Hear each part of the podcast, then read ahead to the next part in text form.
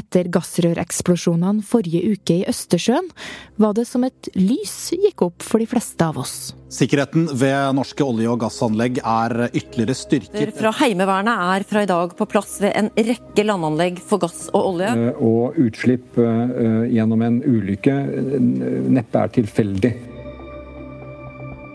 For på vår egen havbunn finnes det jo tusenvis av kilometer med rørledninger. Og de her omtales nå som Europas fremste sabotasjemål. For i de her rørene strømmer livsviktig gass fra Norge til Europa. Så nå lurer vi jo egentlig bare på én ting. Hva veit Putin om vår havbunn? Sannsynligvis ganske mye.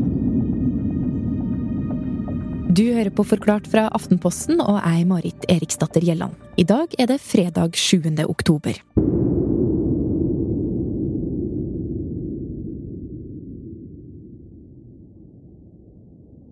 I tiår har dynamitt eksplodert på den norske havbunnen. Og ut av disse eksplosjonene kommer en veldig viktig lyd. De her lydbølgene sier noe om jordskorpa som blir truffet, og hva som finnes under den.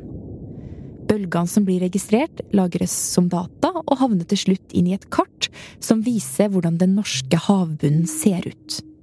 Og dette systemet har altså særlig olje- og gasselskaper god nytte av. Men også Aftenposten-journalist Henning Karr Ekerhold. Det mest sentrale systemet for seismikk det kalles Diskos. og Det er en eh, enorm database med seismisk data om bunnforholdene på norske havområder. Man kan sammenligne det litt med digitale bilder uh, i forskjellig oppløsning, altså forskjellig størrelse, som viser litt hvordan havbunnen ser ut, og hva som er under havbunnen.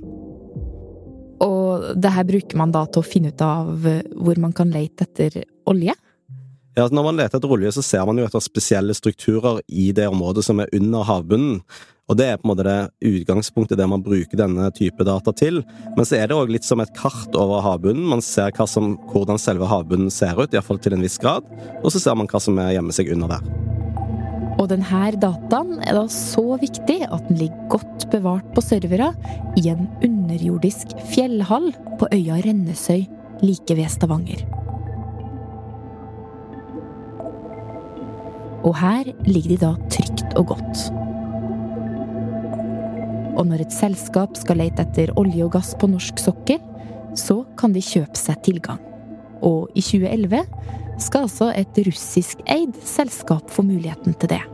Da ble det inngått en avtale mellom Norge og Russland som heter Delelinjeavtalen, der man avklarte noen tidligere litt omstridte grenser i eh, Barentshavet. Og som en del av det så ble man enige om at her skulle man prøve å få til et samarbeid om olje- og gassvirksomhet både i Russland og Norge. Statoil og det russiske oljeselskapet Rosneft skal samarbeide om oljeleting i Norge og Russland. De skal lete etter olje i hittil uutforska områder i Barentshavet og Okhotskhavet. Rosneft er et av de aller største statskontrollerte selskapene i Russland. Eh, de har over 300 000 ansatte og bidrar med enorme inntekter til den russiske stat gjennom eh, oljevirksomhet i Russland og andre deler av verden. Det er også dette selskapet som i 2012 etablerer seg i Norge. Og helt teknisk så gjorde de dette ved at de oppretta et eget aksjeselskap i Norge som fikk navnet RN Nordic Oil. Eh, I 2012 så kom de til Norge. De flytta inn i flotte kontorlokaler eh, i Vika i Oslo, rett ved Rådhuset og Aker Brygge. Da fikk de tilgang til eh, en del systemer og databaser som brukes av oljeselskaper på norsk sokkel. Ja, nærmere bestemt den her seismiske dataen, da, altså kartene over den norske havbunnen som ligger trygt bevart i ei hule utenfor Stavanger. Og eh, Henning, det å få kunnskap om hvordan den norske havbunnen er, det må jo være nyttig når du skal lete etter olje og gass. Men er det det eneste sånn her informasjon kan brukes til? Nei, og her kommer vi jo inn på det som kan være litt problematisk. Fordi hvis man har da så mye data om hvordan selve havbunnen ser ut, så kan man jo finne gjemmesteder, for eksempel til en atomubåt.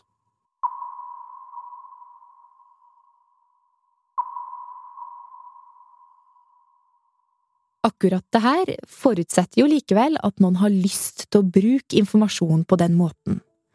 Og her oppstår et annet problem.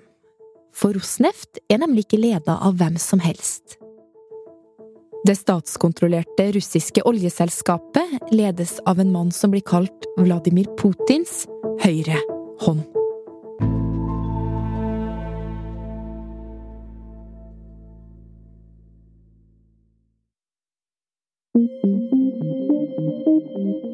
Vi er altså i 2012, og Russland får nå muligheten til å leite på norsk sokkel. Avtalen ble undertegna av Statoil-sjef Helge Lund og Rosneft-sjefen i dag, med påtroppende president Vladimir Putin som vertskap. Putin står og kikker ned på kontrakten, mens Norges Statoil-sjef og Rosneft-sjefen signerer. Igor Setsjin heter han, med sin grå bart, grå hår og en streng mine. Igor Setsjin har vært visestatsminister i Russland og anses som en av de aller nærmeste allierte til president Putin. Han har vært sentral i Rosneft siden 2004 og har tett omgang med russiske sikkerhetstjenester. Mange kilder mener han sjøl, i likhet med Putin, har bakgrunn fra den berykta sovjetiske sikkerhetstjenesten KGB. Eh, og i 2016, da Rosneft skulle ha ny sikkerhetssjef, så henta Setsjin inn nettopp en general fra en av de russiske sikkerhetstjenestene. Han er sannsynligvis en av de aller mest sentrale eh, russiske lederne ved siden av Putin. Og det er altså denne mannen da, som nå leder oljeselskapet, som igjen har et datterselskap, som jobber på norsk sokkel, og som da også har tilgang til data om havbunnen vår. Men hva har det å si da, Henning? Nei, altså I utgangspunktet så kan man jo si at ok, her har vi et oljeselskap som jobber med helt legitim letevirksomhet, men det er sånn i Russland at det er tette, eh, tett kontakt mellom næringslivet og sikkerhetstjenestene og politikken. De kildene vi eh, snakker med, tegner et bilde av at man må bare regne med at den informasjonen som tilflyter et sånt selskap i Norge, òg tilflyter russiske myndigheter. Eh, så da er jo spørsmålet hvordan kan man i en sånn situasjon se for seg at eh, informasjonen kan utnyttes eh, for å finne sårbarheter, f.eks. i Norge. Og det er jo det som gjør dette problematisk. Hvis denne informasjonen blir sammenstilt, så kan man tenke seg at man har masse brikker i et puslespill, der man kan eh, lage et eh, skattekart over eh, norsk sokkel.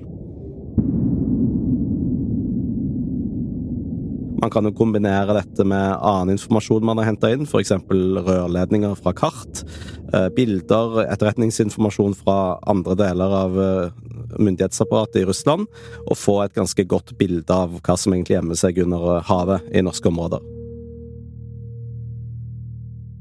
For ordens skyld, Aftenposten har i flere dager forsøkt å få tak i ledelsen i det her datterselskapet RN Nordic Oil, både på telefon, SMS og mail, uten at de har svart. Men det er uansett ikke de eneste som vet noe om denne saken.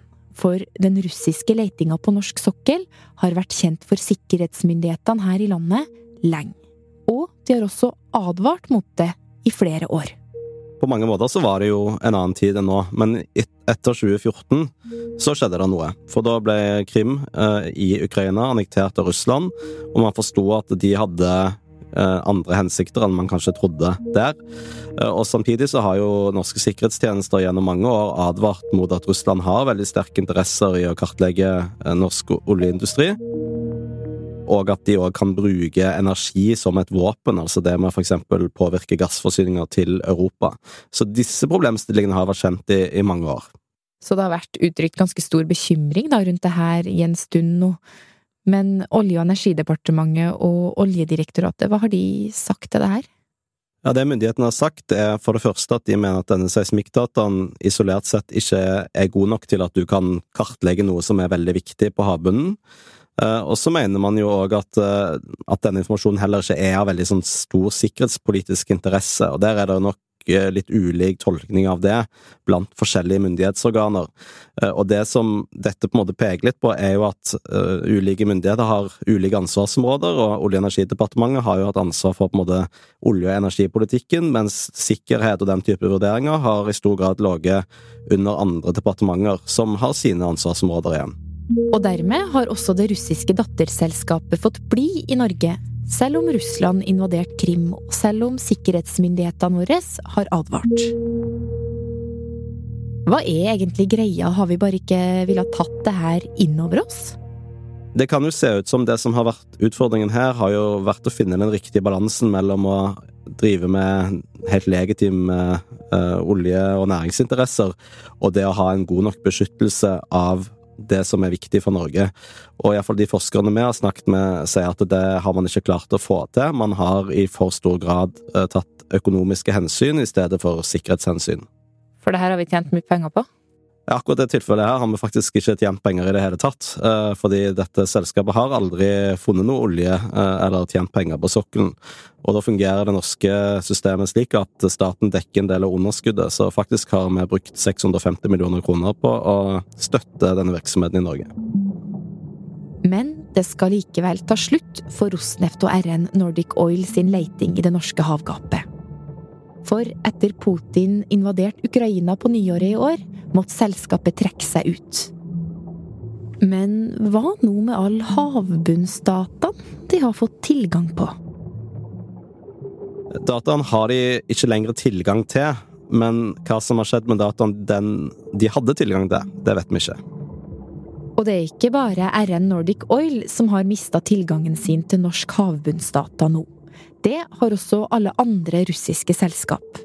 Men fram til det her skjedde, har data likevel kunnet komme i russiske hender. Er det noe å være bekymra over, da?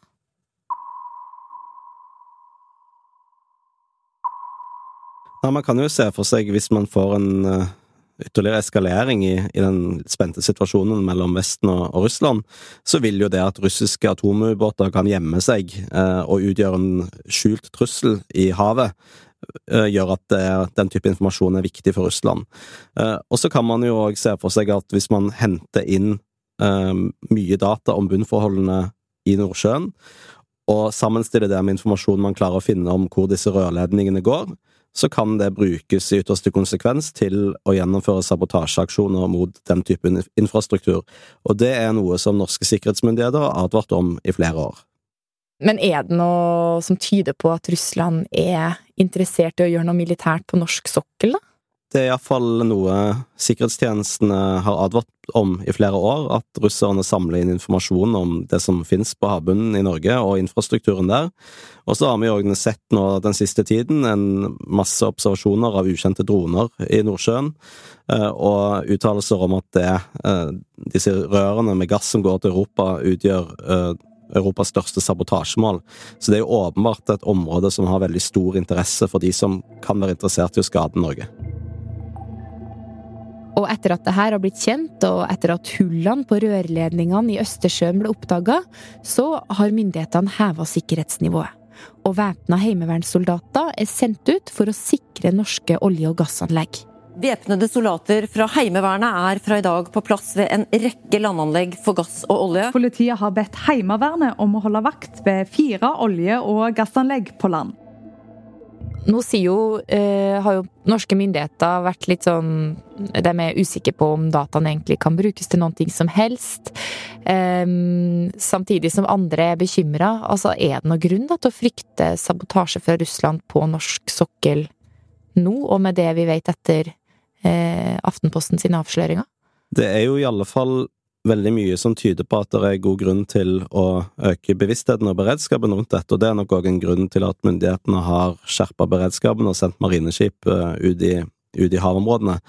Uh, og så er det jo òg viktig å ta med seg at hvor stor den trusselen er, det er vanskelig å si, men igjen, dette er noe norske sikkerhetsmyndigheter har advart mot i mange år. Og det i seg sjøl er jo et tegn på at man må være oppmerksom på at det kan komme til å skje noe. Og nå er jo sikkerhetsnivået økt. Hell det, da? Det vil jo i verste fall vise seg.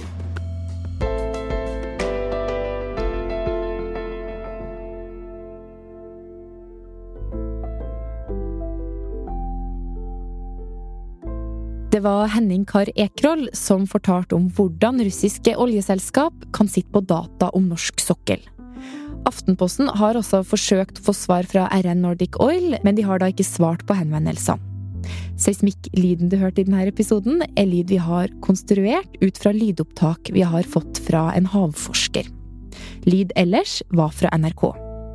Episoden er laga av Fride Næss Nonstad, Jenny Føland og meg, Marit Eriksdatter Gjelland. Resten av Forklart er Anne Lindholm, David Vekoni, Synne Søhol og Anders Weberg.